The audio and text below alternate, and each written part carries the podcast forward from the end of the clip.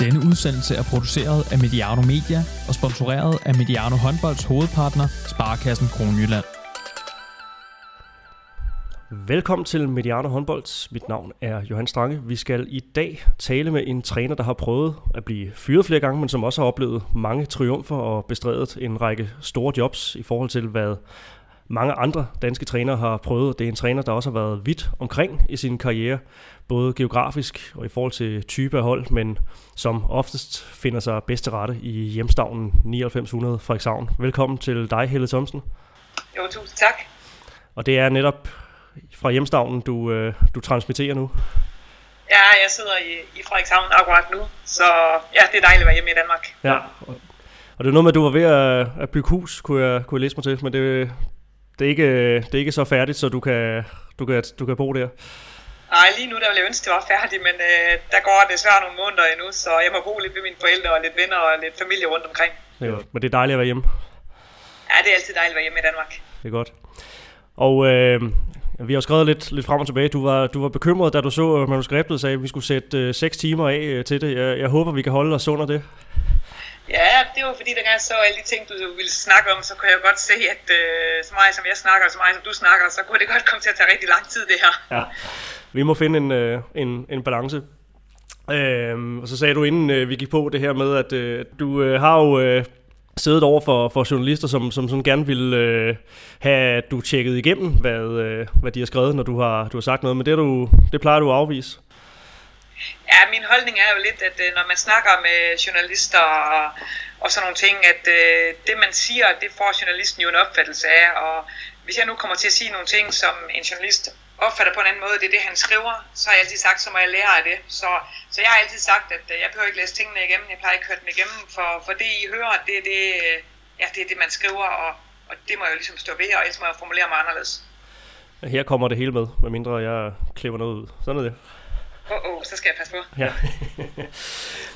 øhm, vi kommer jo ikke udenom, at, at vi er jo midt i den her coronatid. Øhm, og det, det betød jo, at ja, blandt mange andre ting, der var mange uforløste ting i det her. Du fik jo heller ikke øh, afsluttet tiden oppe i, øh, i Molde i Norge, helt som, øh, som planlagt. Hvordan har det været? Ja, men det, det her, det, øh, det gik jo utrolig stærkt. Øh, det var sådan i Norge, der var man nærmest sådan 4-5 dage efter alt det corona, noget, som i, i Danmark, når nogle ting skete i Danmark, så kom de 4-5 dage efter i Norge med retningslinjer og sådan noget. Så det ender med, at den 12. marts skal vi spille sidste øh, grundspilskamp. Øh, og der øh, får vi at vide om morgenen, at det bliver uden tilskuer om aftenen. Og vi hører allerede forbundet, de overvejer at øh, sløjfe slutspillet. Øh, der skulle ellers være en måneds pause, inden slutspillet skulle gå i gang. Øh, vi spiller den her kamp uden tilskuer, og stemningen den er faktisk okay. Sådan, øh, alvoren tror jeg ikke er gået op sådan for alle endnu, hvor, hvor alvorligt det her det faktisk bliver. Øh, efter kampen bliver vi kaldt op i mødelokale. Klubben siger, at øh, der er stor chance for, at de aflyser slutspillet, og det betyder også, at de fyrer alle os spillere. Øh, og samtidig så ticket var ind med beskeder på min telefon. Skynd dig at komme hjem, de lukker grænserne og det hele. Så, ja, så alt på den der time efter kamp, det kom til at gå rigtig, rigtig stærkt, og folk de rejste hjem, og ja, siden har vi jo ikke set hinanden anden over, over FaceTime og Skype. Det var bare øh, benene på nakken, og så øh, afsted. Ja, så samtidig i Norge, der øh, permitterer man folk, det betyder, at man nærmest fyrer folk, og man går på dagpenge. Det er meget mere øh, normalt, det er næsten sket i alle sportsgrene op i Norge, så det er alle blevet, så det fik man jo også lige en besked med i nakken på, da man kørte, så ja, det var, jeg synes det er trist, det er sådan, men, men det er jo sådan, det er. Og du sagde, at du har stadig øh, masser af dine, dine ting deroppe stadigvæk, og så videre, så det er, det er stadigvæk et, et uafsluttet forløb. Har du, øh, har du sendt en besked til, øh, til, til spillerne, eller hvordan, hvordan håndterer man sådan en, øh, en, en situation? Du, øh, ja, kontrakten er jo, er jo udløbet. Ja, altså det er jo sådan, at hvor, der var mange spillere, der bare skyndte sig hjem. Vi havde et par udlændinge, øh, som spillede deroppe også, og folk de rejste hjem de forskellige steder i Norge. Øh, så alle har deres ting og deres lejligheder og sådan nogle ting deroppe endnu. Så planen er lidt, at forhåbentlig så går der ikke for lang tid inden alt det her corona, når det slutter, og så kan vi komme op, og så kan vi ja, få en afslutning på, på det her. Men, men Molde bliver et sted, hvor jeg kommer til at besøge dem flere gange også øh, i fremtiden. Ja, det er godt. Og så helt lavpraktisk, ud over at, at du skal hente dine, øh, dine ting og så videre, hvad, hvad skal der ske med dig nu her? Det var jo, øh, det var jo som nævnt en, en kontraktperiode, som øh, ja, den er stadig... Øh, den, den stod stadig til at være, være i gang, men, øh, men der er der står ikke noget klubnavn ud for, for dit navn lige nu. Hvad, øh, hvad går du og, og rumsterer med? Ja, lige nu der er det faktisk, at jeg ikke skal nogen ting øh, inden for, for håndboldverdenen. Øh, så jeg går lidt og tænker over, hvad, hvad vej det er, jeg skal gå med nogle ting, og hvad det er, jeg gerne vil. Og jeg, jeg stresser ikke med det. Jeg, jeg tager det lidt roligt øh, med det hele, fordi det er også nu, man har chancen for at stoppe lidt op. Fordi de her dage gør jo også, at man sidder mange timer og sidder og tænker over nogle ting. Så det er også nu, man har chancen for at, at se om, hvad er det, man vil, og hvad er man skal, og hvad man tænker man om fremtiden. Så, så det tager jeg det lidt roligt med, og så må vi se, hvad det bringer, og hvad fremtiden bringer. Helle, vi skal øh, i den her podcast-udsendelse øh, tale om din, øh, din karriere og øh, en, en, en håndboldkarriere, som, som startede tilbage, hvor du er nu. Øh, det er jo tilbage til, til der, hvor det, hvor det hele startede. Frederikshavn, øh, jeg, kan, jeg kan huske, da jeg, var, da jeg var barn og begyndte at interessere mig for håndbold, så var der mange af de her nordjyske klubber, lå faktisk øh, op i, øh, i, i ligaen. Hvad, hvad var hele det her øh, nordjyske miljø for, for noget at, at, vokse op i? Jamen, øh, det var en helt anden tid, end, end det er i dag. Øh, der var du jo virkelig en klub, fordi at øh, du ville være i den klub, og fordi øh, at du ville gøre alt for den klub, du var i, og det er jo bare din hjerteklub og alle de her ting. Der var jo ikke penge i det, dengang at øh, jeg spillede i ligaen i, i Frederikshavn. Øh, så det var, det var folk, der bare ville være der. Det var et, noget med at sidde mange timer i kafeteria bagefter, og det var jo bare et super socialt miljø at være i, og nogle gange så er der mange, der spørger mig, om jeg kunne tænke mig, jeg havde ønsket, at dengang der var flere penge i os, men, men ved du hvad, jeg, jeg synes bare dengang, det var bare unikt, og de venner, som jeg har i dag, øh, som er mine tætteste og bedste venner, det er jo også fra den tid, for vi har bare brugt ja, den ene lørdag og søndag efter den anden, jeg sidder ved hallen og hver, efter hver eneste træning. Så du er et rigtigt foreningsmenneske, kan jeg høre på det hele? Ja, det er jeg. synes, øh, det er også for mig, når, her, når jeg har været i elitehåndbold, så har breddeidrætten faktisk også øh, været vigtig for mig og har hjulpet en del i de klubber, jeg har været i med, med, med breddeidrætten, for jeg, jeg synes, den er, den er enormt vigtig. Jeg har også læst mig til, at, øh, at du i, i, i Midtjylland-tiden øh, brugte meget tid i, i hallen, det her med også at, at se herrerne træne og se øh, nogle af ungdomsholdene og børneholdene træne osv. Altså, øh, var, var, det, var det vigtigt for dig øh, at være, være, være synlig for at skabe en eller anden øh, forbindelse mellem, mellem det, det elitære og det kommercielle og så øh, ja, rødderne? Ja, men det er helt vildt vigtigt for mig. Det, øh, det er vigtigt for mig, at øh, når vi har spillet en kamp i, i Midtjylland, og vi var færdige med kampen, at man gik rundt og hjalp de frivillige med at tage reklamer ned og rydde op og sådan noget ting. Jeg, jeg synes, øh, der er ikke nogen, der er mere end andre i en klub. Øh, om du er cheftræner for et førstehold, eller du er øh, holdleder ved et øh, U10-hold. Vi gør jo alle sammen en indsats for, at den her klub og det her miljø, og der er mange mennesker, der skal have det godt i den her klub, og og det er bare et helt naturligt gen for mig, at øh, klubben og alt det omkring klubben, det betyder rigtig, rigtig meget for mig, og at alle har det godt i det sted, man er. Og, og jeg har ikke, når jeg har set ungdomshold, eller været ude at se Special Olympics håndbold eller noget, så har jeg ikke øh, gjort det, fordi det er et must, så er det fordi, jeg har gjort det, fordi jeg synes, det er virkelig hyggeligt at, at være sammen med, med dem i klubben. Og tilbage i, i Frederikshavn-tiden, hvem, øh, hvem var sådan ligesom katalysator for, at du, du, du startede på trænergærningen? Altså, hvem, hvem var sådan ligesom afgørende i forhold til at, at, at, at forme dig som, som, som håndboldmenneske? Jamen altså det er helt, mine forældre de har begge to spillet håndbold og var en stor del over i Frederikshavn Over, øh, så det har været helt naturligt, at jeg er kommet i hallen, øh, og at man har været en del af det håndboldmiljø. Jeg har også spillet badminton og fodbold og alt muligt. Det gjorde man jo dengang, der spillede man jo alle mulige ting. Der havde man ikke en computer at sidde ved, så der, der dyrker man alle de sportsgrene, der var i byen. Øh, selve det med trænerne, det har aldrig været et mål eller en drøm for mig, at jeg skulle være træner, og det er bare kommet helt automatisk. I, i Frederikshavn, der var det sådan, at øh, når du var, nu siger jeg, 14-15 år, så blev du automatisk tilknyttet et yngre hold, hvor der selvfølgelig var nogle voksne omkring, men så skulle man gå og hjælpe dem med at få deres setup til at køre. Og på den måde, så er det faktisk bare at køre, så mangler anden division herre en træner, fordi de fyrede en træner, om, så havde jeg lige dem i tre måneder, så havde jeg vores U18 drenge. Og det er lidt sådan, at min trænerkarriere har været i starten, det er, jamen det er jo helt naturligt, at man træner nogen, så var der nogle gange, man lige skulle hjælpe nogle steder, så blev man træner der. Og så var det faktisk første gang, at jeg røg til, til Holstebro, hvor det sådan blev på eliteplan, hvor jeg blev assistent dernede for Niels Asen. Jeg kunne godt tænke mig at spørge dig i forhold til det her, du, du snakker, man havde ikke computer og, øh, og, og så videre. Så jeg bliver sådan lidt, lidt nysgerrig på, på, på, på udviklingen blandt, øh, blandt, blandt unge mennesker. Øh, det er jo en, en ting, som, som ofte bliver, bliver i talsat. Også det er en af, det er en af foreningslivets store, store udfordringer. Altså, hvordan har du oplevet den her, den her udvikling i, i tiden i, i, i foreningslivet? Jamen først så er der mange foreninger, øh, der slider med at have nok medlemmer. Øh, det gjorde man ikke, da, da jeg var barn. Der var det jo helt naturligt, at man gik til håndbold om vinteren, og man gik til fodbold om sommeren, og så havde man sikkert et par sportsgrene mere, man, man samtidig øh, dyrke. Så sådan er det jo ikke i dag. De slider jo og kæmper om de samme medlemmer, fordi der er ikke så mange, som er så aktive, i hvert fald i foreningslivet, som, som dengang vi var yngre. Øh, og der hvor jeg synes det er mest synd, det er jo det sociale, det skaber. Det, altså, I dag der skal man nogle gange lave regler om at sige, at folk de skal blive og gå i bad efter træning. Da jeg var ung, der var det simpelthen det, der var sjovest, det var, når vi sad i omklædningsrummet og lavede fis og ballade, og, og den der tid, der, den, ja, det, jeg synes, det er synd, man ikke har den, men omvendt så er det jo bare verden, der, der er blevet sådan, øh, man skal hjem og kigge på sin computer, man skal ud og, altså efter en træning, det første du gør, det er at tage den her mobil op i lommen og kigge, om der kommer nogle beskeder, øh, det, det var jo ikke øh, tema, dengang jeg var yngre. Ja, så er der også sådan noget, der hedder fitnesscentre, tænker jeg, som også har, øh, har vundet indpas blandt, blandt de unge mennesker. Det bliver lidt mere individuelt alt sammen. Ja, det er der ingen tvivl om. Uh, nu fitnesscenter, det bruger vi jo også ekstremt meget i, i det håndboldmiljø, jeg der. Dengang jeg spillede, der brugte vi det faktisk også. Jeg kan godt se, når vi ser gammel video, det ser ikke sådan ud, at man brugte det dengang, men, men det gjorde man rent faktisk også dengang. Ja. Du, øh, du var selv inde på det. Du kom til, øh, til Holstebro efter, efter tiden i, øh, i Frederikshavn, og, øh, og bliver parret med, med Niels Asen i første omgang.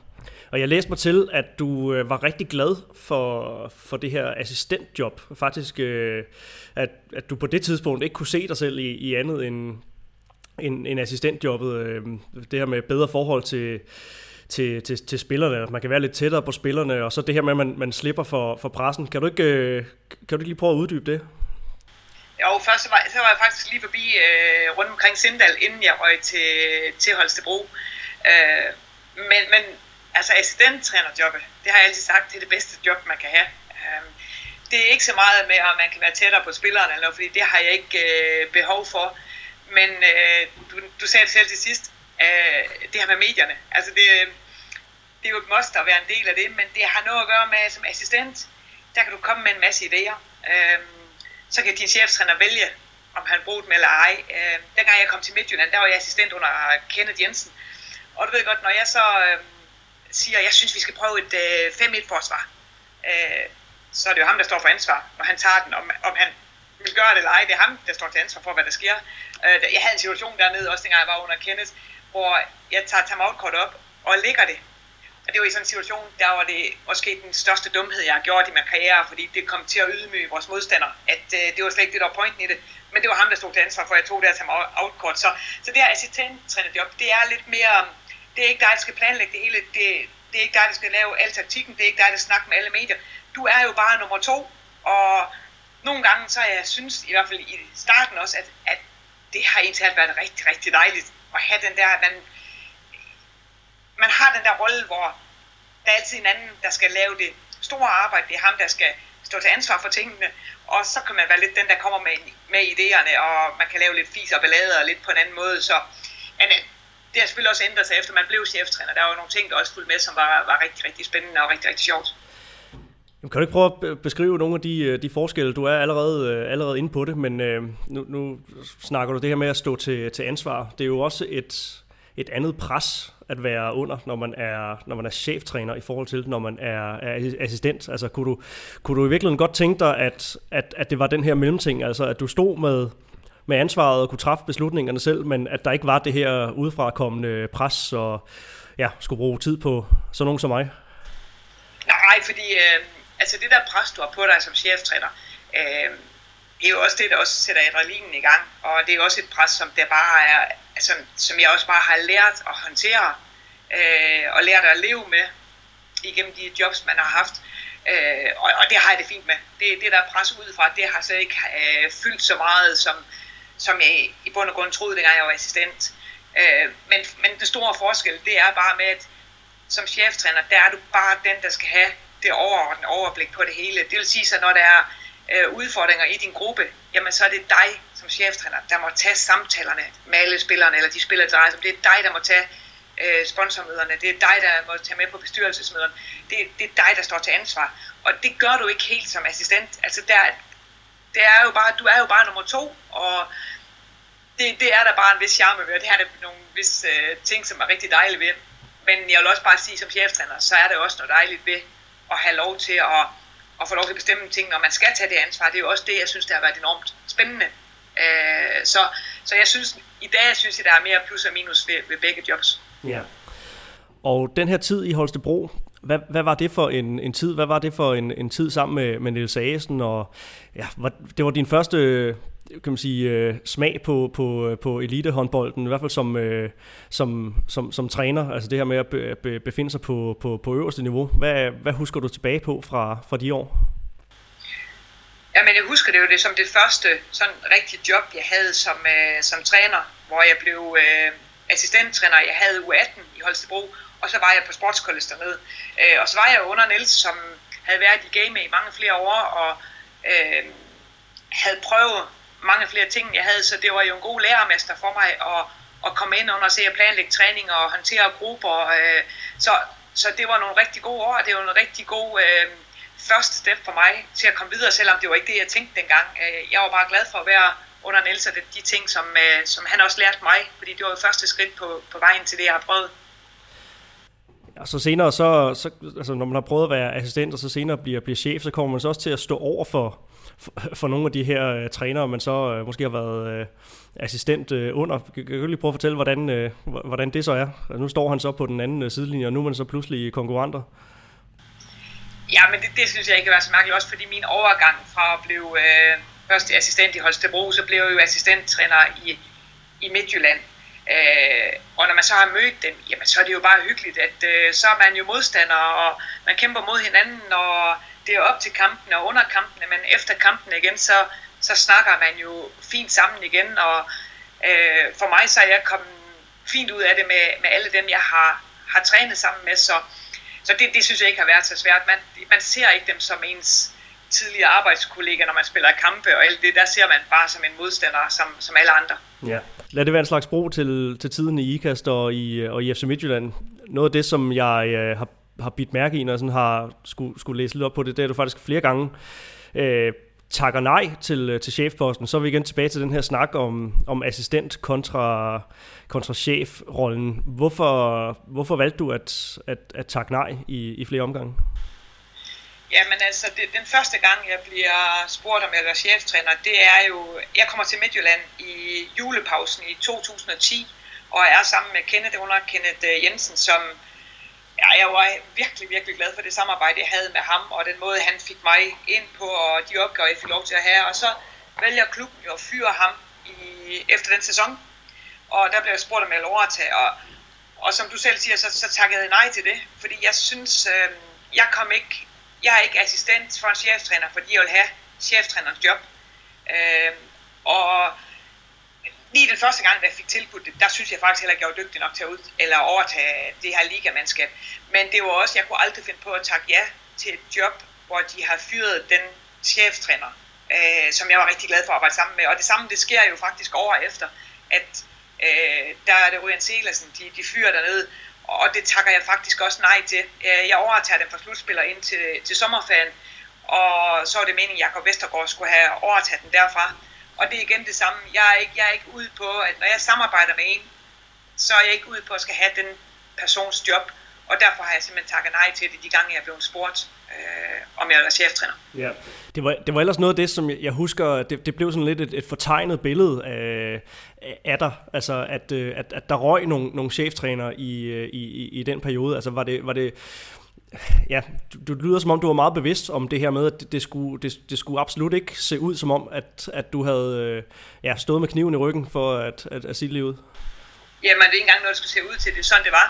Øh, og jeg har jo et rigtig, rigtig fint forhold, både til, til Ryan og, og Kenneth i dag også. Og det var, jeg, jeg har ikke, øh, de ved godt, at jeg var ikke ude efter deres job. Øh, jeg gik ikke efter deres stilling og har været øh, så ærlig og troværdig over for dem, som jeg kunne i hele den situation, øh, hvor, de, hvor de blev fyret. Og det var faktisk sådan, da, da jeg fik jobbet nede i Midtjylland, så var det jo faktisk, øh, stadig, jeg skulle have fortsat som assistenttræner, og Jakob Vestergaard, han skulle være øh, cheftræner. Så får Jakob øh, et job i Valsea nede i Rumænien, som han simpelthen ikke kan takke nej til.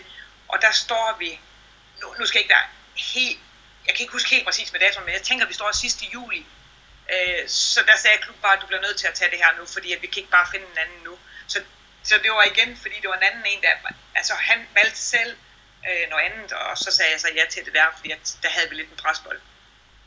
Og så det her med, øh, med, med troen på dig selv. Øh, du sagde, at du følte dig ikke dygtig nok øh, i, i, i de forrige omgange, du blev, du blev tilbudt den her chefpost. Men, men øh, timingen, da du så, da du så nu siger jeg i god så en endelig siger ja. Hvad er det, der har, hvad er det, der har ændret sig der? Altså, jeg synes selvfølgelig på de øh, halvanden år, man var assistent dernede, øh, der lærte man meget. Man lærte øh, at håndtere en flok øh, individuelle topatleter, øh, og få dem til at fungere i en gruppe. Det øh, lærte Kenneth mig rigtig meget det første halve år, jeg var der, hvordan man håndterede at være under stort pres. Og det, det samme med Ryan, der, der fik man jo bare nogle ting med sig, og øh, det var jo en gruppe, en spillergruppe, som gik ind for, at man også skulle være træner, så man havde også ligesom deres opbakning til at skulle overtage det her, så, så derfor gjorde det det mere enkelt, plus at jeg synes både under Kenneth og Ryan, der har de givet mig rigtig, rigtig mange opgaver øh, på træningsbanen og i taktikken og i kampe. Så det har været nogle gode lærermester, som har givet mig enormt stort ansvar, både på træningsbanen og, i kampsituationer. Så, så de har gjort, at man blev skabt til at kunne overtage det her efter halvanden år. Så der følte du dig simpelthen klar? Nej, jeg ved ikke, om det var sådan lige, jeg tænkte, at jeg skulle overtage det, men øh, jeg var i hvert fald klar nok til, at øh, spillerne og gruppen også troede på en, og øh, klubben troede på en, og at man i samarbejde nok skulle få det her til at fungere. Hvad er du egentlig mest stolt af i, øh, i FCM-tiden, øh, de her, de her år, du, du befinder dig i, øh, i det her profilerede elitemiljø og, og får skabt nogle resultater, og nogle guldmedaljer og, og så videre. Hvad, hvad, hvad, hvad tænker du øh, tilbage på som det, der sådan gør, dig, gør dig mest stolt over? Det, det er det er helt klart over, hvad jeg er mest stolt af i den tid der, det er, at den måde hele teamet øh, omkring spillerne, øh, det var sportschefen Hans Peter Ries, det var øh, kontoret, det var fyserne, det var øh, holdlederne, det var mentaltrænerne, altså spillerne, at alt det her, øh, vi fik bare til at og fik lavet den samme kultur, og alle kom til at arbejde i samme retning. Det blev på vores U18, det blev på vores U16, det blev på vores college, at en så stor gruppe mennesker, at vi kunne bygge en kultur op. Øh, vi kaldte den selv vinderkulturen dengang, øh, fordi det var det, vi gik målret efter, blev en vinderkultur, men også behandle hinanden ordentligt. At, at vi brugte rigtig, rigtig lang tid på at bygge det op, og at det var ikke noget, der var en, der gjorde, eller to, der gjorde. Det var vi rigtig, rigtig, rigtig mange folk, der var med til at gøre, og som jeg helt nævner, fyser, holdledere, mentaltrænere, sportschef, direktører på kontorer og sælgerne. Altså alle arbejdede bare i samme retning, og vi arbejder bare ud af samme motorvej, og det synes jeg var mega fedt, når man ser tilbage på det. Vi har jo netop lavet en, en udsendelse, der handler om, om øh, kultur og, og vinderkultur. Den tog udgangspunkt i, i, øh, i BSH, var med, med Peter Bredstorff og, og, og Jesper Nødsbo. Jeg kunne godt tænke mig at, at, at høre dig fortælle lidt mere om det. Altså det her med, øh, med kultur i en klub, og, og ikke mindst øh, vinderkultur vinderkultur er det det her med at få folk til at arbejde i samme retning, og det er hele den her gruppe rundt om, om, om spil. Det skal ikke bare være spillere og, og træner. Altså, er det sådan det bedste bud på, på en, en rigtig god vinderkultur for dig? Jamen altså først sådan en vinderkultur, det er jo selvfølgelig at vinde. Øh, det er klart. For at bygge det op, øh, så tager det bare rigtig lang tid. Man bruger lang, lang, lang tid på at bygge op, og det tager ikke ret lang tid at vælte. Øh, men, men jeg synes, det er noget med, at man skal have hele flokken med. Du skal have øh, alle, der arbejder rundt om holdet. Øh, og igen, det er jo ikke bare en træner, en holdet og en fys. Men det er jo også dem, der sidder på kontor og sælger. Det er øh, de frivillige, det er klubben, det er ungdomsspillerne, det er ungdomstrænerne, det er, øh, det er hele, hele pakken. Jeg tror, når man får dem til at arbejde i samme retning, og man arbejder rigtig hårdt for tingene, øh, det betyder også, at øh, når de frivillige, de øh, bruger rigtig mange timer på en kampdag på at sætte reklamer op og pille ned igen, så giver det en god kultur, at øh, spillerne efter kampen går hen og hjælper med det. Bare helt automatisk, uden det er noget, man skal. Øh, alt det der, det tror jeg, det giver en vinderkultur, når man arbejder alle sammen i, i samme retning. Og så er det okay, at man en gang imellem prikker lidt til hinanden, fordi, og ikke altid man var enig med alle. Men i bund og grund, så kørte vi bare ud af den samme motorvej, og det synes jeg er fedt, når det lykkes. Det er interessant. Det, det her, som vi snakkede om før med, at, at du også godt kunne lide at være meget i halen. Nu siger du, at, at det, øh, det, det kunne du sådan set også godt få, få spillerne til at, at hjælpe med nogle af de her øh, opgaver. Altså det, det, det kan jo også godt blive lidt øh, fortegnet billede af, af sådan et top-ligahold, som nogle meget øh, fætterede stjerner og nogle velbetalte stjerner, og så kommer de og passer deres træning og spiller de kamp, og så, så går, de, går de hjem igen. Altså der, der, ligger, der ligger mere i, øh, i det, end, end som så, kan jeg høre dig sige. Ja, det var det helt klart den tid der. Øh, det var naturligt, at der altid sad nogen fra ligaen og så vores øh, U18-spilkampe. Øh, det var naturligt, når Special Olympics de havde stævne, at så var der nogen med fra eliteholdet til at komme ned og hjælpe omkring det. Øh, det, det, det var bare en, det var det, der bare blev naturligt for os. Øh, men det var det, der tog så lang tid at skabe. Men når det først er der, så fungerer det bare super godt. Øh, og, og det var faktisk det, man kunne dengang. Det var, at vi havde en sindssygt stærk kultur. Og som jeg sagde tidligere, det, når vi sidder og snakker om det nu, så kan jeg sådan helt mærke igen, at jeg synes, det var rigtig fedt. Og jeg plejer også altid at sige, når folk de siger, hvilken medalje var den fedeste at vinde, så siger ved du hvad, det var faktisk ikke det fedeste. Jo, jeg kan ikke stå og sige, at det ikke var fedt at vinde en guldmedalje, fordi det var det. Øh, men når jeg sådan tænker tilbage, så havde vi øh, et år, der havde vi i en september måned, hvor vi taber et par turneringskampe. Vi misser et Champions League-kval, som vi seriøst bare skulle have vundet, fordi vi var meget bedre end de to hold, men det gjorde vi ikke. Øh, kommer vi hjem, så spiller vi uafgjort, og det hele det er bare rigtig, rigtig, rigtig hårdt, også fordi når man er vant til at vinde, så kan to nederlag være hårdt. Men at dengang, der rejste man sig sammen. Der var ikke nogen i klubben, der tvivlede på, om det skulle komme til at fungere, eller folk begyndte at blive væk, øh, når vi spillede kampe. Alle de blev ved med at arbejde i samme retning. Og ved du hvad, lige pludselig var den der. Og det år, der vinder vi VM, vi vinder øh, pokalen, vi vinder Europacupen, vi vinder Supercupen. Så det der, at alle bare hele tiden bakker op, det betyder bare meget af modgang. Ja, du sagde før, at, at en vinderkultur kan tage lang tid at bygge op, men, men også er hurtigt at, at pille ned igen. Altså, men øh, den her, den her foreningstankegang med, at, at alle hjælper til og, og arbejder i samme retning, det er jo så noget af det, der kan, kan udbøde det, kan jeg, kan jeg forstå. Altså, det er noget af det, der gør, at man, man så ret hurtigt kan, kan, kan rejse sig igen og, og komme tilbage på sporet. Ja, men altså, jeg tror bare, det er vigtigt, at den, jeg siger ikke, at den måde, vi gjorde det på dengang, det er det rigtige. Jeg tror, man skal bare vælge den kultur, man vil have, og så arbejde alle benhårdt efter det.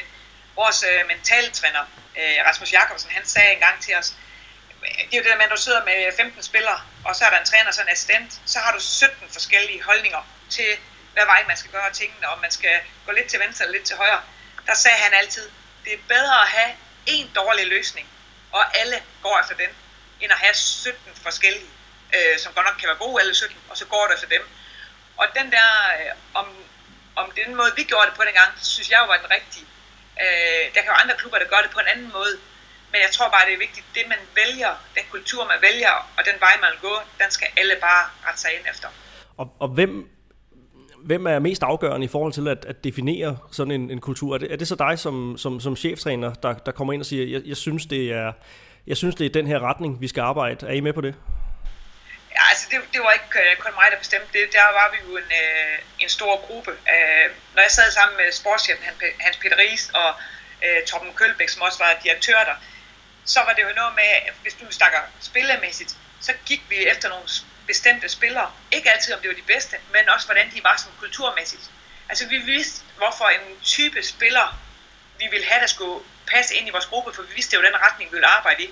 Så der kunne godt være, at nogle gange vi sad og kiggede et år frem, hvor vi sad og kiggede på nogle spillere. Den her spiller kunne godt være PT håndboldmæssigt, at hun var bedre end den anden, vi kiggede på. Men vi vidste bare, at den her person her, som måske var ikke helt på samme niveau, niveau endnu som den anden, hun ville bare passe super godt ind i vores gruppe. Så det her, det var jo en, en, igen en stor gruppe, og det er også derfor, jeg mener, at vi var så stærke, som vi var. Fordi det var en stor gruppe, der altid blev enige om tingene, og, og så gik man hårdt efter det. Men i sidste ende, så var det jo dem, som ansatte folkene, så det var jo direktøren og, og sportschefen, som, som bestemte det. Nu øh, begynder tingene jo så at, at overlappe lidt, hvis vi, øh, hvis vi, i hvert fald hvis vi snakker øh, kronologi her, fordi at øh, Sveriges håndboldforbund, de banker jo så på din dør i 2014. Hvad, hvad var det for en, en opgave, der, der lå foran dig? Hvad, hvad, hvad, for, hvad for et mandat blev du, øh, blev du ansat til? Jamen, øh, det var jo sådan, at øh, det var, det var faktisk lidt sjovt, fordi at det var faktisk i medierne meget tidligere, end jeg blev kontaktet af Sverige, at øh, jeg skulle være svensk landstræner. Øh, så det var sådan lidt mærkeligt. Men jeg snakkede, dengang jeg fik, de ringede op og spurgte, om jeg kunne tænke mig at blive en del af det, sammen med Thomas Sivertsen. Så snakkede jeg med Midtjylland om det, og det var Midtjylland med på. Og så sagde jeg jo ja til det job, og så var det jo, der skulle vi jo til mesterskab med, med Sverige. Så det, det blev en ny spændende opgave, man, man fik samtidig med, at man var i Midtjylland. Der er jo meget snak om det her med dobbeltjob for, for tiden. Altså, din egen overvejelse omkring det på, på det her tidspunkt med at, at lige pludselig stå med, øh, med to hold, og, og der går jo også noget tid med sådan et, et, et landshold, hvor man så er, er væk fra sit klubhold. Altså, hvad, hvad var din overvejelse omkring det? Jamen, den diskuterede jeg jo med Midtjylland, øh, men, men det var ikke så stor en øh, case, fordi vi havde, øh, vi havde samarbejde med... Da, da jeg var i Midtjylland, der trænede vi sammen med Silkeborg Vol og Jakob Andresen hver mandag. Og der havde vi, altid, vi havde jo altid mange landsholdsspillere, der var med. Da vi startede samarbejdet, der var Silkeborg første division, øh, så havde vi altid en aftale om, at når der så var landsholdssamlinger, øh, der var jeg jo ikke landstræner nu, men der, så tog vi altid til Silkeborg, og så gik vi altid bare med i deres træning, for vi havde nogle gange kun 3-4 spillere hjemme, fordi resten var med i landsholdet. Øh, så så det, det, starter altid med, når du skal få et mesterskab, jamen så øh, starter dem derhjemme med at hælde ferie, og så laver man simpelthen bare noget tilpasning af, at, øh, at vi trænede mere med Silkeborg i den tid, så og så fik de lov til at, de der, altså den havde jo ikke så mange spillere, der var hjemme i Midtjylland, de fleste var jo på et mesterskab. Så jeg synes faktisk, det gik rigtig fint, og jeg, jeg synes, jeg har været god til at være på forkant og stadigvæk holde kontakt med dem, dem hjemme i klubben, selvom jeg har været med i landsholdet. Så, så det har jeg, øh, ja, det har ikke været de store udfordringer i, og slet ikke fordi, at 80% var jo selv med landsholdet. Nej. Hvor, øh, hvor, hvor står du i, i den her diskussion? Altså, det er jo noget af det, som snakken går på. Det er jo øh, det her med, at, øh, at man, man bedre holder sig skarp til et, et landstrænerjob, hvis man også træner et, et klubhold samtidig. Hvor, hvor står du i, i, i den snak? Ja, men det er jeg fuldstændig enig i. At man, øh, har, når man har et klubhold, øh, så, så er man mere skarp, når man står på et mesterskab. Så har man været ude i øh, 25 gange i en øh, i turneringskampe, hvor du skal tage de her hurtige beslutninger. Hvornår vil du have din timeout? Hvornår skal du lave taktikken om? Øh, hvornår skal du... Øh, ja, alle de her ting, som øh, du skal være knivskarp på i kampen. Øh, jeg har så ikke prøvet at, at være landstræner for, altså hvis man er nu som Jesper, som skal have Danmark, at han er i en dansk klub og har dansk landstrænerjob, det tror jeg kan give nogle større udfordringer, fordi at, at min fordel har jo været, at jeg har været i Danmark som klubtræner, men det har været to andre landshold, så har jeg ikke, jeg har ikke skulle konkurrere klubmæssigt med, med andre, ved, som fra mit eget land. Øh, jeg husker, dengang jeg var i Sverige, der var der jo 10 spillere i, i den danske liga fra Sverige, og, og ved du hvad, det, det gav lidt udfordringer, men, men det fik vi heldigvis løst fint, også fordi at jeg var sammen med Thomas Sivertsen, så han tog sig af de spillere, så jeg ikke havde noget med, med, med dem at gøre, fordi det er selvfølgelig ikke øh, optimalt, at jeg havde en viden om, at Isabelle Gylden var skadet, eller et eller andet ting, hvis vi skulle møde dem. Så, så det, det, udfordringen bliver større for, for Jesper, tænker jeg, med det, fordi han skal sidde og samarbejde med nogen, som også er hans konkurrenter i klubberne. Så, men at det tænker jeg, at øh, ligesom jeg overvejer min situation en gang, så har Jesper jo også overvejet at skrive plus og minus, og det er jeg slet ikke i tvivl om, at han også har kontrol på. Okay, men jeg kan, også, jeg kan høre dig sige, at, at du øh, som sådan godt forstår den der bekymring, som nogle af de her ligatrænere giver, giver udtryk for. Så kan man så diskutere de kanaler, de, de går igennem, men, øh, men, men der er måske noget substans i, i, i den snak alligevel. Altså jeg tror, der er nogle udfordringer, men jeg tror også, udfordringer de er til for, at de løses. Øh, så, så det, det tænker jeg, at øh, det får de løst på, på en eller anden måde, fordi at, øh, der er i hvert fald nogle ting, man skal snakke om, hvordan man forholder sig til. Men, men altså, Jesper og forbundet har jo kontrol på de ting, for det ved de jo godt, når man når Jesper og forbundet de bliver enige om den her aftale, så kan de jo godt se, hvad udfordringerne er. Så det har de jo diskuteret igennem, og det, og det har de kontrol på. Det håber jeg bare, at, at det kommer til at fungere. Og så øh, igen det her med, øh, med, med overlappet, fordi nu er vi tilbage i, i, i Midtjylland, øhm, og øh, det, det får jo en, en afslutning, din tid i, øh, i FC Midtjylland. Og øh, jeg, jeg er ikke sådan helt sikker på, at jeg sådan helt har, har forstået, hvad der, ja, hvad der skete der. Altså, kan du, kan du ikke prøve at gøre os lidt, øh, lidt, lidt klogere på det? Altså, det var jo noget med nogle forskellige øh, strategier i forhold til i forhold til spillerindkøb og i forhold til øh, indkørsel af unge spillere osv. Hvor meget lå der i det? Jamen, det var jo sådan, at øh, da der er halvanden år igen af min kontrakt, øh, der stopper Torben Gølbæk som direktør, og Hans Peter Ries som sportschef, han, han stopper også og går til, til fodboldafdelingen i Midtjylland. Og jeg er rigtig, rigtig tæt med HP om alle beslutninger. Og vi arbejder, som jeg sagde tidligere, vi arbejder bare ud af samme motorvej. Øh, det her skifte, det sker i februar måned. Øh, og det er midt i Champions League, det er midt i, at vi er ved at gøre os klar til slutspillet. Og der kommer nye folk ind, som er dygtige og som har nye ting, de vil gøre på nye måder. Og så blev det jo lige præcis, at den motorvej, vi kørte ud af, der var der nogen, der begyndte at synes, man skulle svinge af til venstre og lidt til højre, og en afkørsel her, og først den næste afkørsel. Og det blev simpelthen, det, det blev bare for meget øh, uro for, for mig og dem, der var i, lige i teamet omkring. Og, og så er det jo lige præcis, når det uro kommer, så er det jo, jeg har vanskeligt ved at fungere i det. Og der blev jo nogle uenigheder lige præcis som de ting, du sagde. Øh, og det var jo tidspunktet, at det var i februar måned, var jo nok heller ikke helt optimalt. Det har været skønnere, hvis det har været efter en sæson, hvor man har kunne sætte sig ned og sagt, hvad er nu vi gør, og hvorfor kultur er det nu, og hvad er vi gør. Øh, og det kommer så til at give nogle skrammer, og det betyder jo så, at i, i august måned, der, der får jeg en opringning, at, øh, øh, at de fyrer mig. Så jeg nåede slet ikke en, en kamp i, jeg nåede i opstarten, øh, og der var jo OL det over, så vi var ikke så mange hjemme. Øh, og så, så blev jeg så fyret der i august. Ja, altså det var, det var noget med, øh, med, en, med en romaner, Buszewski, der blev, blev hentet til, og du var ikke rigtig øh, ind over og, og, og så videre der. Altså, øh, ja, kunne man have, kunne man have, kunne man have udbedret nogle af, af de her ting, hvis det netop, som, som, som du sagde, hvis man havde taget det mere i, øh, i sådan en, en, en off-season periode. Øh, altså var der simpelthen ikke, øh, der var ikke, der var ikke tid nok, da, det, da alt det her stod på til at, at få drøftet tingene igennem? Nej, altså jeg, tænker, den måde Midtjylland de gjorde det på, det, det er jo den strategi, de gerne vil have. Så, så for, altså, hvis jeg skulle fortsætte jobbet, som, som jeg gerne ville dengang, så, så skulle det, at den overgang fra, at Hans Peter Ries, han stoppede, og Tom Kølbæk stoppede der, at den var blevet lidt mere, at jeg selvfølgelig håber, at den første at gå hen til, til sommerferien, så det ikke var midt i, hvor du var under allermest pres som træner. Øh, men det var mere, at man måske bare fortsatte ud af den motorvej, og så til næste sæson, havde lavet de ændringer, som der skulle have lavet, så havde det i hvert fald været lettere for mig og det team omkring øh, holdet af for os at have, have levet videre i.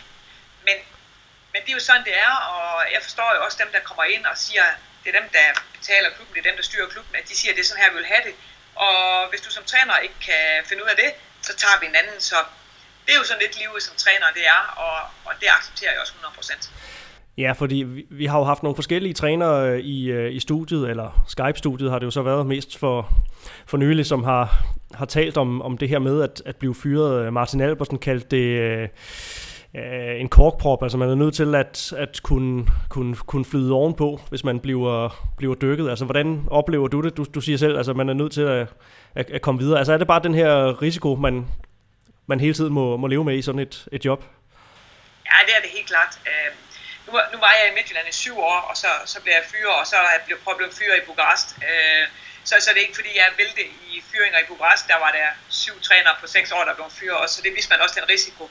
Men, men det synes jeg lidt, det er. Altså, jeg synes nogle gange, Lunden er lidt kort for, for nogle træner, men øh, omvendt, så hvis tingene ikke fungerer, hvis du ikke vinder kampe, hvis øh, der er nogle ting, der ikke fungerer, så kan du jo ikke smide 16 spillere ud. Så er det jo træner, der står for skud, og det, altså jeg, jeg er helt okay med det. Jeg har aldrig haft øh, problemer med det. Jeg ved, hvad det er, jeg går ind til. Og ja, kan man ikke lige lukke den i bageriet, så, så er det også okay at et eller andet sted, at, at de vælger noget nyt. Øh, og det er helt indforstået med. Så hvis man, hvis man ikke er, er til den gænge, så skal man ikke blive håndboldtræner på, på topniveau? Jeg tænker i hvert fald, at du får nogle hårde perioder indimellem, hvis det, hvis det er. Ja.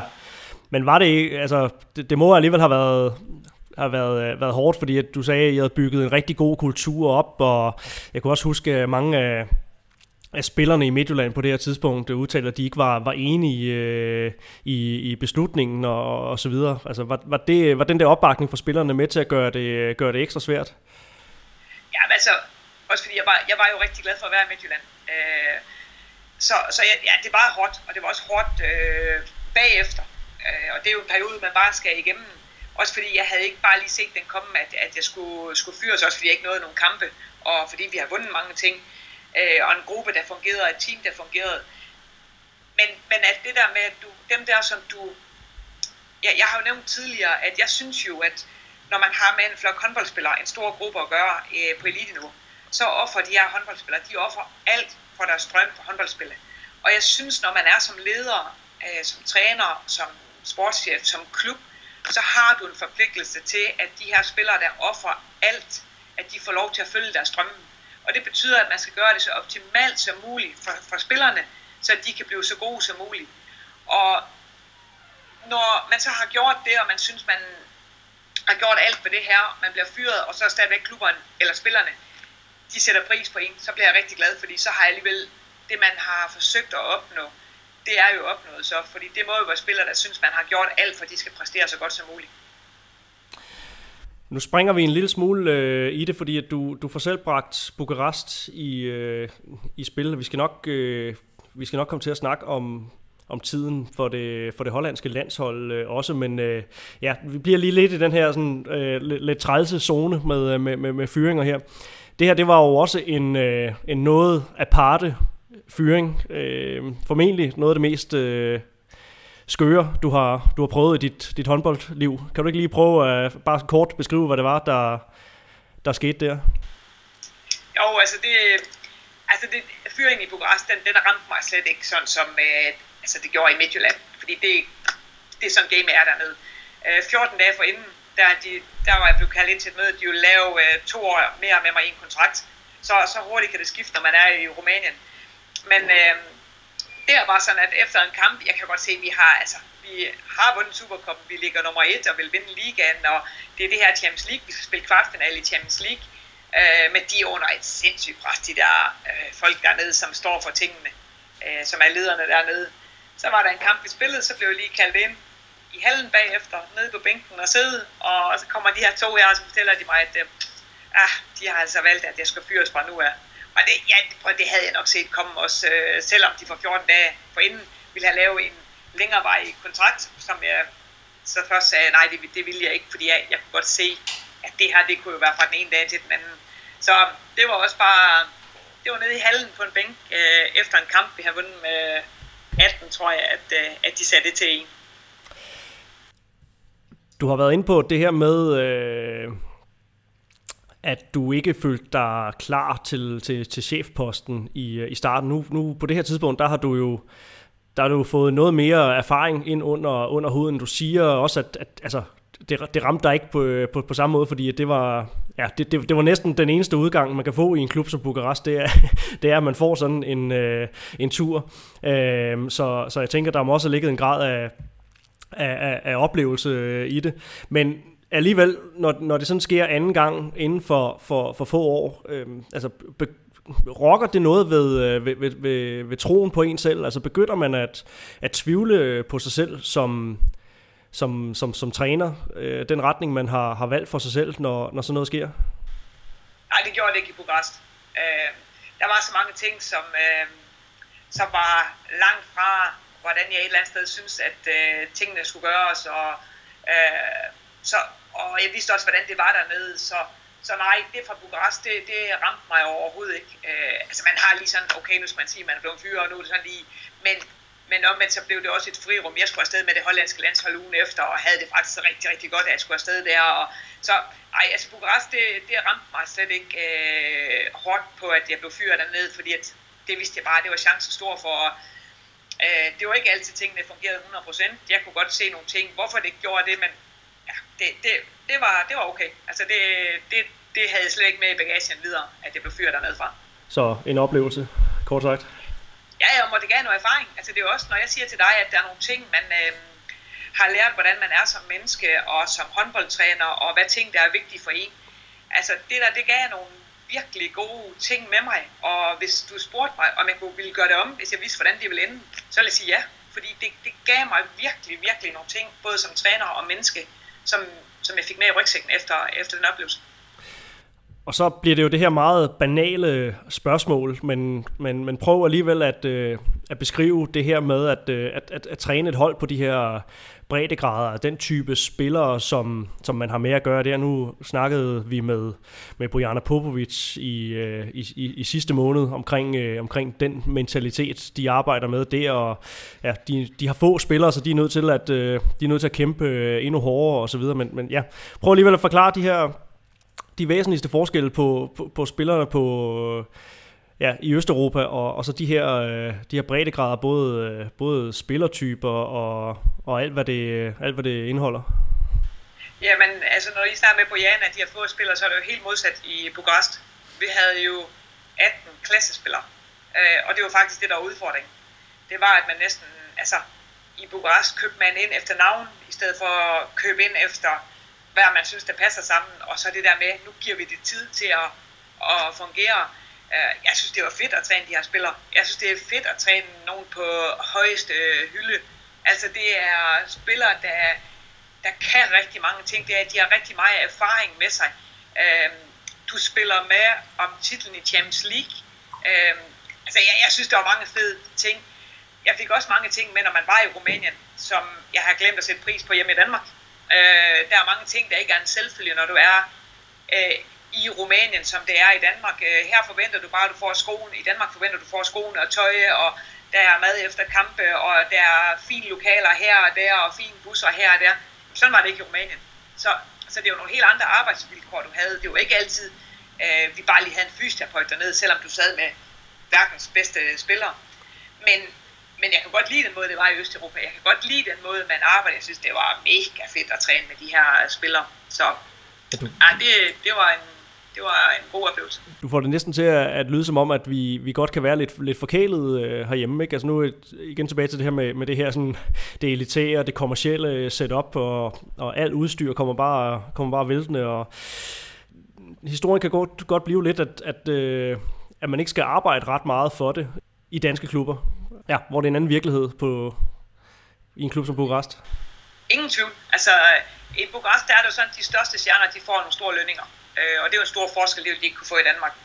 Men, men hele setup'et uden omkring øh, holdet, øh, det, det, jeg vil ikke give dig ret i nogle gange, så har man også mig selv været lidt forkælet i, i forhold, hvordan forholdene er hjemme i Danmark, og nogle ting, man har helt glemt at sætte pris på, fordi at øh, bare var en selvfølge, at når ens sko de var brugt, så fik man bare nogle nye.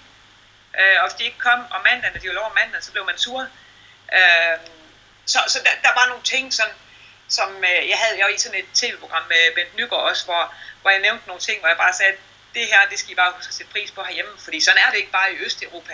Øh, det er jo også en helt anden, altså hver Østeuropa, der er også, sådan, der ser du jo dagligdagen også på, at der er mange, der ikke har penge. Der er mange, der er, er rigtig fattige. Du ser også dem, som har de største biler og har rigtig mange penge, men forskellen på rig og fattig er jo ekstremt stor. Og, og når jeg sådan så i Rumænien, der var der også mange steder, hvor du lige noget at tænke nogle ting om, hvor heldige og privilegerede vi er i Danmark. Og i den her coronatid, altså jeg har jo venner i Rumænien nu, jeg snakker med, øh, hvor jeg snakker med en af dem og siger, ah, hun spørger, hvordan har I det i Danmark med det her? Jeg siger, ah, vi er godt nok lidt bekymret for alt det corona. Så siger hun, prøv at tænke at sidde i Danmark og være bekymret. Øh, hvordan tror du så, det bare er at sidde i Rumænien? Og, og det er sådan nogle ting, som også i den her coronatid, hvor jeg, vi skal være glade. Det kan godt være, at der er nogen, der er uenige om, hvordan vi gør tingene.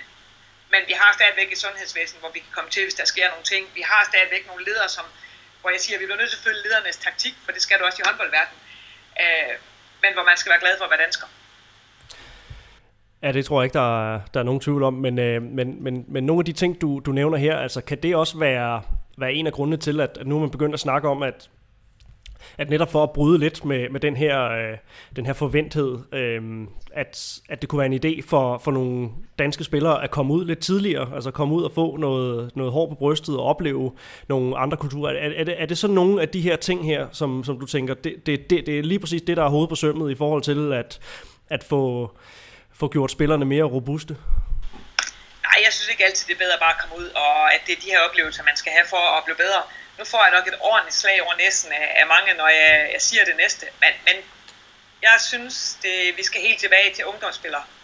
At der er simpelthen for mange ungdomsspillere, der er forkælet. Der er alt for mange øh, forældre, der pleaser deres eget lille barn. Der er alt for mange, som skal sørge for her min lille datter eller min lille søn, nu skal jeg bare have dem frem, og så snart der bliver nogle udfordringer, så ringer jeg og brokker mig og klager over det og det, i stedet for, at de skal få noget hår på brystet, når de er yngre. Altså, vi plejer at sige, øh, dengang vi var i Midtjylland, når de var uge 14, så skal vi gøre dem klar til at blive 16. Uge 16 skal vi gøre klar til at blive 18. Uge 18 skal vi gøre klar til at blive senior. Det havde vi en strategi for, hvordan vi ville. Øh, men, men der synes jeg i dag, jeg synes, der, det er helt nede ved de, de unge, hvor, hvor man kunne gøre mere, for at der ikke bliver alt for meget forkæleri og alt for meget beskyttelse for dem hele tiden så er der nok nogen, der bliver sur over, at jeg siger det, men uh, det må jeg leve med. Ja, det, det, det, er, det er der nok, men uh, jeg kan da sige, at det, det er da også noget, som, som, som foreningsmenneske har, har stiftet bekendtskab med. Altså, hvem, uh, ja, hvem, hvem har så ansvaret for at, at få kan man sige, rådet bod på, uh, på, på det? Altså, hvordan får vi ligesom uh, bugt med, med, med den udvikling? Skal vi bare acceptere, at, at det er det, det er forældregenerationen af nu, øh, af nu 2020, eller, eller har vi, øh, har vi nogle, nogle løsninger på det? Ja, men altså, jeg tror ikke bare, man, det, er jo, det er jo lidt verden, verden der er blevet sådan, at øh, den sådan er, den fungerer, og det, får man jo, det skal man jo også acceptere, at det er sådan, det er, og så må man finde nogle redskaber for at løse det på den måde. Men jeg synes også, det igen går vi tilbage til kultur. Det er noget med, hvad klubberne de accepterer øh, de forskellige steder. Det er, hvorfor en kultur, hvorfor en strategi vil man have, for man synes, det er bedst muligt for vores hold og vores, vores klub. Og der kan være mange redskaber, man bruger for at få, for det til at gå ind i den retningslinje, man, man vil. Og så mister man nogen på det. det har, altså, da jeg var i Midtjylland, mistede vi også unge spillere på nogle ting, som vi sagde, at vi ville have, det skal være sådan og sådan og sådan. Men vi valgte stadigvæk at gå efter kulturen, og det synes jeg, man som klub har et ansvar for, hvordan man vil have det. Og så kan det godt være, at man nogle gange mister den her gode spiller, men, men det er jo et valg, man tager. Endnu en øh, anledning til at snakke øh, forskelle på, på Danmark og så andre steder i, i Europa. Det er jo så... Øh, det er jo så din tid i Holland som, som hollandsk landstræner, og der er jo, øh, der er jo mange ting at snakke om. Det er også, jeg vil godt tænke mig at spørge lidt til, til den her anderledes øh, talentudvikling, men lige, øh, lige først her, altså hvad, hvad, hvad tager du med dig fra den oplevelse? Hvad var sådan den vigtigste, den vigtigste lærdom i, øh, i de år? Ja, men det var bare nogle, det var bare nogle rigtig gode år. Det var, øh, for mig var det bare et match, der passede rigtig godt sammen, da, da jeg fik dem. Var rigtig glad for at være der, var rigtig glad for spillerne. Det var, det landshold her var jo bygget op med en kultur, som et eller andet sted, den kultur jeg har, den var ikke ret langt fra. Den måde, de spiller håndbold på, var også den måde, som jeg gerne ville spille håndbold på. Så i bund og grund var det vel bare et godt match, at på det tidspunkt der, at, at det var det, man fik. Det var nogle fede år, det var en rigtig fed oplevelse at være sammen med dem.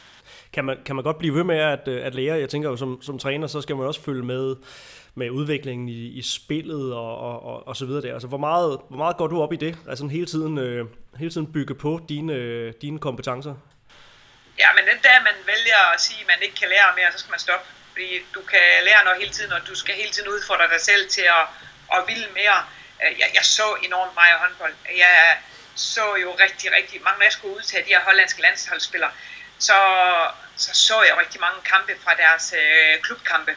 Jeg så rigtig meget, jeg fulgte, altså håndbold, det var jo hele døgnet rundt for mig. Jeg så herrekampe, du ved, så sidder man og ser et øh, 6 på 5 spil. Jamen prøv at se, du skrevet det ned. Øh, du sidder og ser på, hvad er det, de siger i timeoutsene, hvad er de? Altså, man er jo lidt håndbold crazy.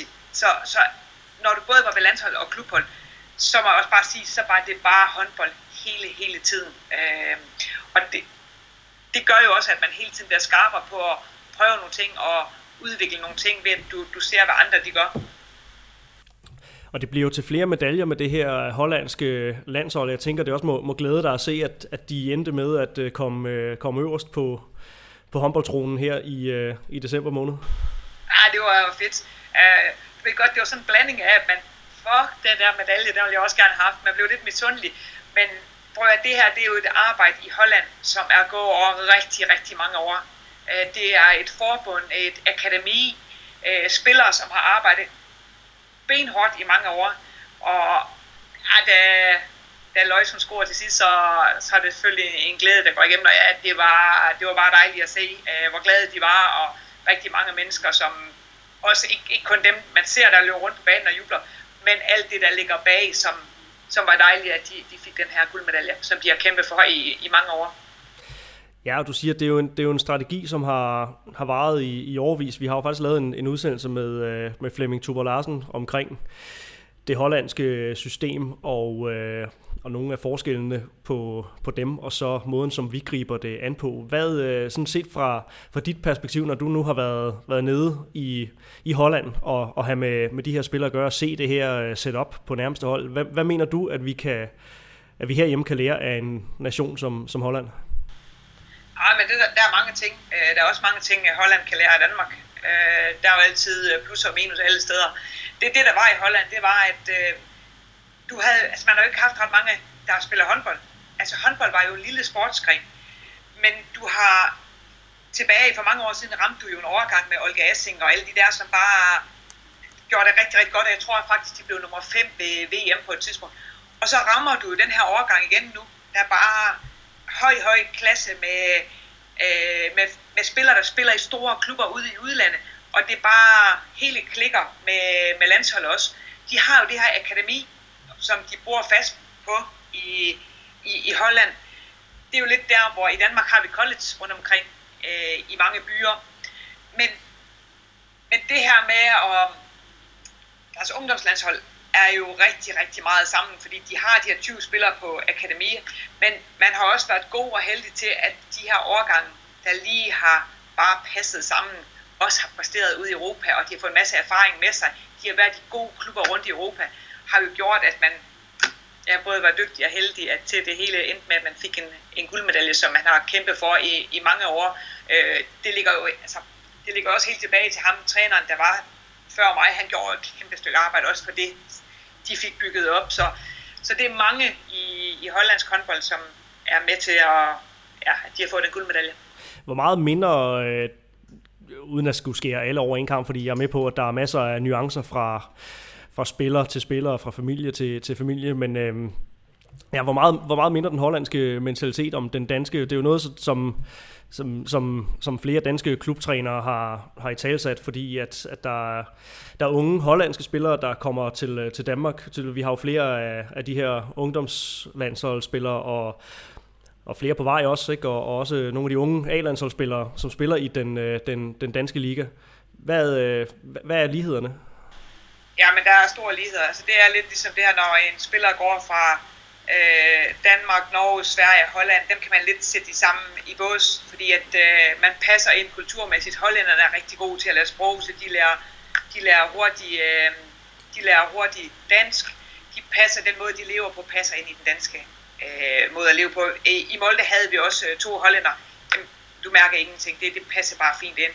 Øh, og så der med, når de kommer til Danmark nu, det er jo også fordi, at man har i den hollandske liga, er jo ikke særlig stærk. Der er ingen økonomi i den eller noget. Så det er også derfor, at de ryger afsted som unge. De ryger til Tyskland, og de ryger til, til Danmark, mange af dem. Øh, er jo fordi, de ikke selv har en liga, der er stærk hjemme.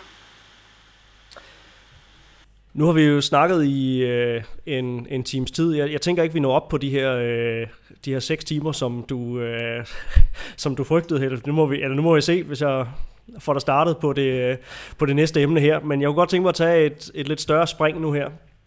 Øhm, og, øh, og snakke om, om det her med, med, med dig som, som, som kvindelig træner i, i, i tophåndbolden. Det er noget, som jeg har bemærket, du ved flere lejligheder har, har kommenteret på, og det er også noget af det, som, som du øh, ja, sikkert kan få lidt, lidt hug for, at, øh, at udtale dig, øh, udtalt om på den måde, som du gør. Jeg, jeg, stus, jeg stusset over, at du sådan groft sagt ikke ligefrem taler kvindernes sag. Altså, øh, er, det, er, det helt, øh, er det helt skudt ved siden af at, at sige det på den måde?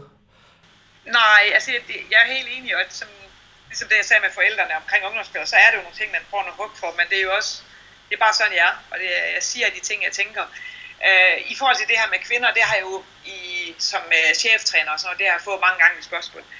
Øh, min holdning er, at man skal tage de bedste til de bedste jobs. Om det så er en kvinde eller det er en mand, det synes jeg ikke er vigtigt. At jeg så synes, der kunne være flere kvinder, som, som hopper af vognen for tidligt og ikke går mod deres strømme eller mål, det kan jeg så synes er, er lidt synd, fordi jeg er sikker på, at der var lige så mange kvinder, som kunne, kunne få de her cheftrænerjob, som, som mænd kunne. Men, men jeg, jeg ved på det tidspunkt, så var der sådan noget med nogle trænerkurser, så hvis du var kvinde, så kunne du lettere komme ind en mand. Det er helt imod. Altså det, jeg har sådan lidt, vi, vi, skal, vi skal gå efter samme målestok for at få lov til tingene, øh, om man er mand eller kvinde. At det så igen, som jeg sagde, savner lidt, at der er flere kvinder med, det, det tror jeg er sundt for sporten. Men er det en mand, der er bedre, så, så synes jeg klart, at man skal tage ham det her det er, jo, det er jo en snak, som sådan i høj grad kommer, kommer til udtryk, når vi, når vi snakker, snakker dommere på, på topniveau. Altså du siger, du savner flere kvinder i, i, øh, i, i toppen af, af, af elitesporten, men, men det er ikke vejen at gå at, at bare plukke kvinder ud, fordi at nu er der lige nogle kvinder, der, der, der, der popper op. Det gælder både trænere, men, men måske i høj grad dommer i, i de her år. Jamen, det er du fuldstændig ret i, når vi står på et mesterskab, at øh, man spiller vigtige kampe. Det er noget forbundet, det er noget spillerne, det er noget øh, trænerteamet har kæmpet for i mange år, noget dertil. Så kan man, øh, så kan man se, at der kommer nogle kvindelige dommer ind, hvor der er 100 mandepar, der er bedre. Altså, lad os nu få de bedste til de bedste ting. Og så for de her kvindelige, nu, nu snakker du lige dommer, så nu, nu nævner jeg lige dem. Jamen, så må de her kvindelige dommer jo arbejde sig op til at blive de bedste. Og når de er det, så synes jeg lige præcis, at man skal have lige vilkår. Så er det ikke sådan noget med, øh, at jamen, så skal man tage mænd, fordi det er mænd. Nej, er de på lige vilkår, så hiv bare ind. Men jeg synes også, man skal gøre sig fortjent til det, når man står ved et VM og et EM, at så har man også en forpligtelse til, at det er de bedste, der er omkring det. Om det så er trænere, øh, dommer eller delegeret, eller hvad nu det er. Tag nu de bedste, fordi de bedste spillere, vi har med at gøre.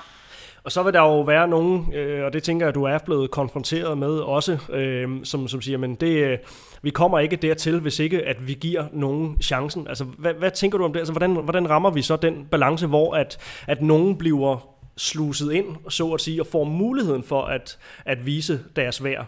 Øh, men at de selvfølgelig, men at de selvfølgelig skal, øh, skal, øh, først skal være på toppen, når de er på toppen.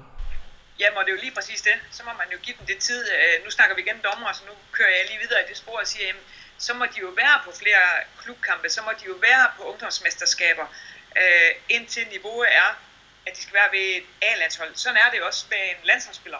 Hun er jo også øh, på et B-landshold, måske først, inden hun ryger på et A-landshold, fordi hun ikke er god nok. Så det, jeg synes, altså alt omkring øh, jobs, det jo, kan jo også være ude i erhvervslivet, at så må man arbejde hårdere på at nå de der drømme og mål, man har om at blive de bedste og komme med i de, her er de, de bedste turneringer. Øh, og man skal ikke med, før man er klar til det. Og så kan det godt være, at man nogle gange kommer med et år for tidligt. Det er der altså også nogle mandlige dommerpar, der gør. Øh, så det er ikke fordi, at det kun drejer sig om kvinder, hvornår man er klar til, til de forskellige ting. Men, men jeg synes ikke, man skal have en, en stor fordel, fordi man er kvinde, og man skal ikke have andre vilkår til at komme, komme igennem nogle ting på jeg, jeg kender også flere, øh, flere øh, kvindelige øh, trænere, som, øh, som, øh, som, som kæmper med, øh, med det her, og øh, noget af det, som har, har slået mig, det har jeg også... Øh, det har også øh, taget med, med, med, med nogle af dem. Altså, det er det her med, at det, det virker som om, de fokuserer meget på at, at blive en eller anden form for, øh, for, for, for mønsterbrydere. Ikke? De fokuserer meget på at blive en dygtig kvindelig træner. Ikke? Hvor øh, det jeg sådan lidt hørte dig sige også, det er, at man skal prøve at tage det der ord kvindelig ud af, af ligningen. Kan du følge mig? Altså at, at, at, at prøve at fokusere på at blive en, en dygtig håndboldtræner, fokusere på at blive en dygtig øh, håndbolddommer, og så arbejde det op. Altså nu er det ikke, fordi jeg beder dig om at bifalde mit, mit, mit synspunkt automatisk, men, men øh, hvad tænker du om, om, om, om den indgang? Ja, men det er jo også sådan, jeg tænker. Jeg tænker, at man skal være den, man er, om, øh, og det er den vej, man så må få det succes, som man, man, man går efter og søger efter.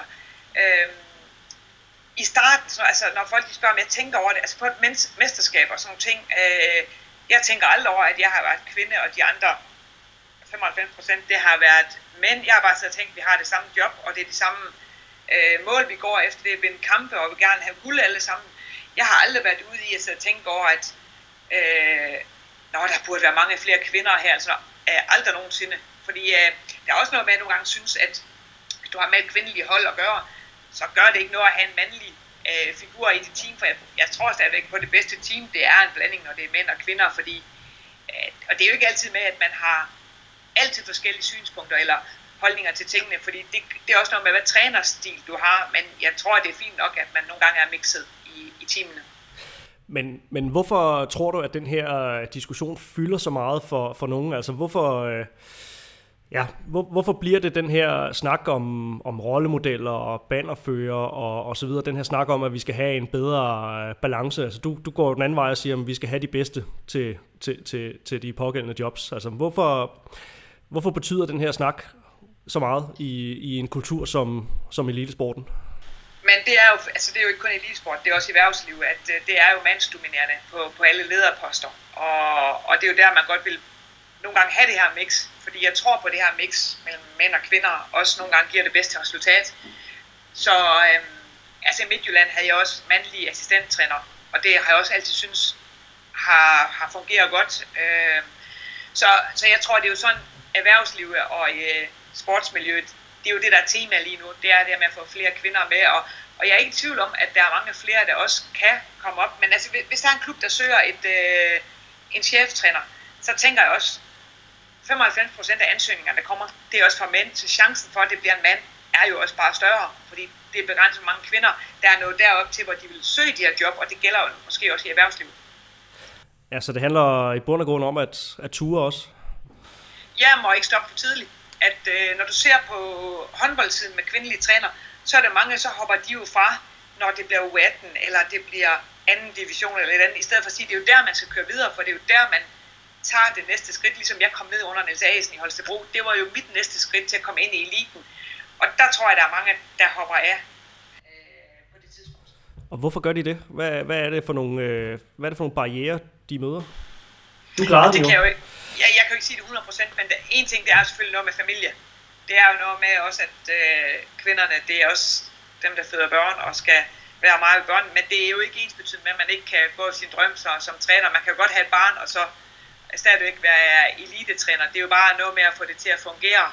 Øh, du ser også håndboldspillere, som øh, får børn, og så kan de stadigvæk godt fungere på et mesterskab, fordi så finder man en ordning.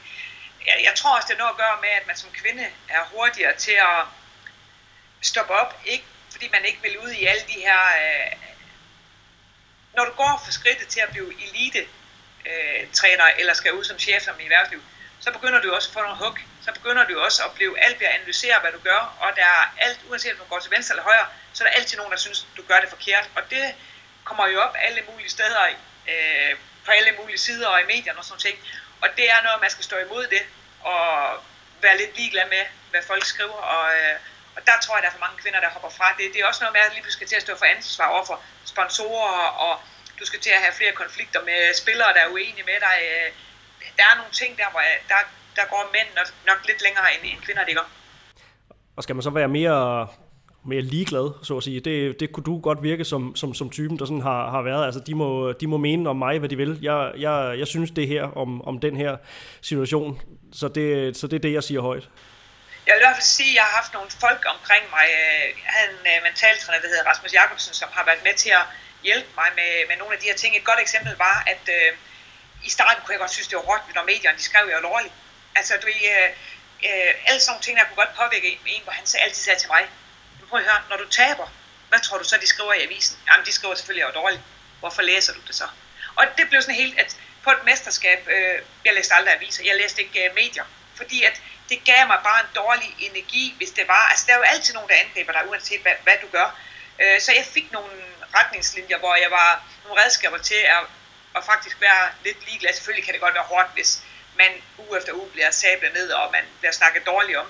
Men, men jeg lærte også at håndtere de gange, at, at det blev det, og så har jeg prøvet på hele vejen igennem, og bare ja, være mig selv, sige tingene, som jeg synes, og så, nu har jeg allerede sagt et par ting til dig, hvor jeg er ikke i tvivl om, der sidder nogen rundt omkring og siger, hvad fanden siger hun, hvad er hun for en idiot, der sidder og siger det.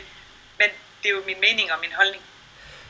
Men du har også slået meget på det her med, at, at du ønsker ikke at være en, en rollemodel. eller det er måske det er måske forkert formuleret, men, men du, du spekulerer i hvert fald ikke på, at, at, at fordi du er en, en kvindelig træner, der har fået succes, så vil der være nogen, der, der, der ser op til mig og skal gøre tingene præcis på, på, på min måde. Nej, jeg synes, de skal gøre på deres egen måde. Om jeg så kan hjælpe nogen på vej til at give det sidste skub, øh, det vil jeg rigtig gerne være med til. Men øh, jeg synes absolut ikke, de skal gøre, som jeg har gjort. Jeg synes, man skal finde sin egen måde at gøre det på. Jeg synes, man skal stå for sin egen stil og holdninger og meninger. De behøver ikke at være magen til min. Øh, det tror jeg er vigtigt de fleste ting i livet, at man står for det, man står for, og det giver nogle knups nogle gange, men det det, forhåbentlig så er der også nogen, der sidder på den anden side og tænker, det var lige præcis det, jeg havde brug for at høre, og, og det er faktisk rigtig dejligt at høre den synsvinkel også. Så at være sig selv, det er faktisk øh, det er nøglen til det hele? Mm, nogle gange tror jeg, ja. Selvom det kan være svært nogle gange. Og i forhold til, øh, i forhold til dig selv, nu er vi lidt tilbage til, øh, til starten her. Øh, i forældrenes hus i, i Frederikshavn, og god tid til at, at tænke over tingene. Nu ved vi jo ikke præcis, hvornår verden bliver, bliver normal igen, men vi krydser selvfølgelig fingre for, at det går i et, i et ordentligt tempo. Så hvad, ja, hvad er næste skridt for dig, udover at du øh, har god tid til at tænke over? Du har sikkert ikke tænkt det færdigt, men øh, ja, hvad, hvad kunne det være? Udover at jeg laver puslespil hele tiden, at jeg går tilbage til det. øh, og det der corona, det kan, ikke, det kan ikke vare op meget længere, fordi jeg har snart ikke flere puslespil. Jeg har været ude og købe nye. Øh, nej, jeg ved, jeg ved det ikke rigtigt, og som jeg startede med at sige til dig, da vi snakkede sammen, det var, at øh, det her, det giver jo også, altså min sæson er jo stoppet tre måneder tidligere, end jeg skulle have taget nogle beslutninger om nogle ting. Og, og det her, det gør bare, at man stopper op, man kommer til at tænke meget over nogle ting, og at det også kan være med til, at man har tid til at tænke sig lidt ekstra om. Jeg kommer ikke til at bare komme ud i håndboldverdenen, fordi jeg absolut må være håndboldtræner. Hvis jeg er i det job, jeg vælger, det skal også være noget, jeg rigtig gerne vil, og jeg har tid til at vente på det, jeg rigtig gerne vil, og finde ud af, hvad det er, jeg rigtig gerne vil. Så jeg er ret rolig med, med tingene med det. Og telefonen er åben? Det er den i hvert fald, det er den altid. Det er godt. Jamen, øh, Hele Thomsen, så vil jeg sige dig tusind tak for en god samtale, og øh, god fornøjelse med øh, ja, puslespil er det så i, i første omgang, og en, en frokost med, øh, med mor. Det er, det er vældig mange gange tak for. Det er godt. Og øh, ja, tak for din tid. Ja, tak. Så er udsendelsen her altså nået til vejs ende. Og som vi altid gør, så runder vi af med at sende en kæmpe stor tak til Sparkassen Kroneland, som er vores trofaste partnere. Og det er de især i den her tid, hvor håndbolden står stille, og der ikke er noget live håndbold at snakke om. Så uden at træde vande, så kommer vi til at dække håndbolden. Vi følger selvfølgelig udviklingen, men fortsætter i sporet med portrætter og analyser indtil der er live håndbold igen. Tusind tak også til jer, kære lyttere, fordi at I bliver ved med at støtte os i den her coronatid, og bliver ved med at trykke play på vores udsendelser. Det er vi meget glade for. Uden lyttere, ingen Mediano håndbold. Tusind tak, fordi I lyttede med, os på den her udsendelse. Vi høres ved snart.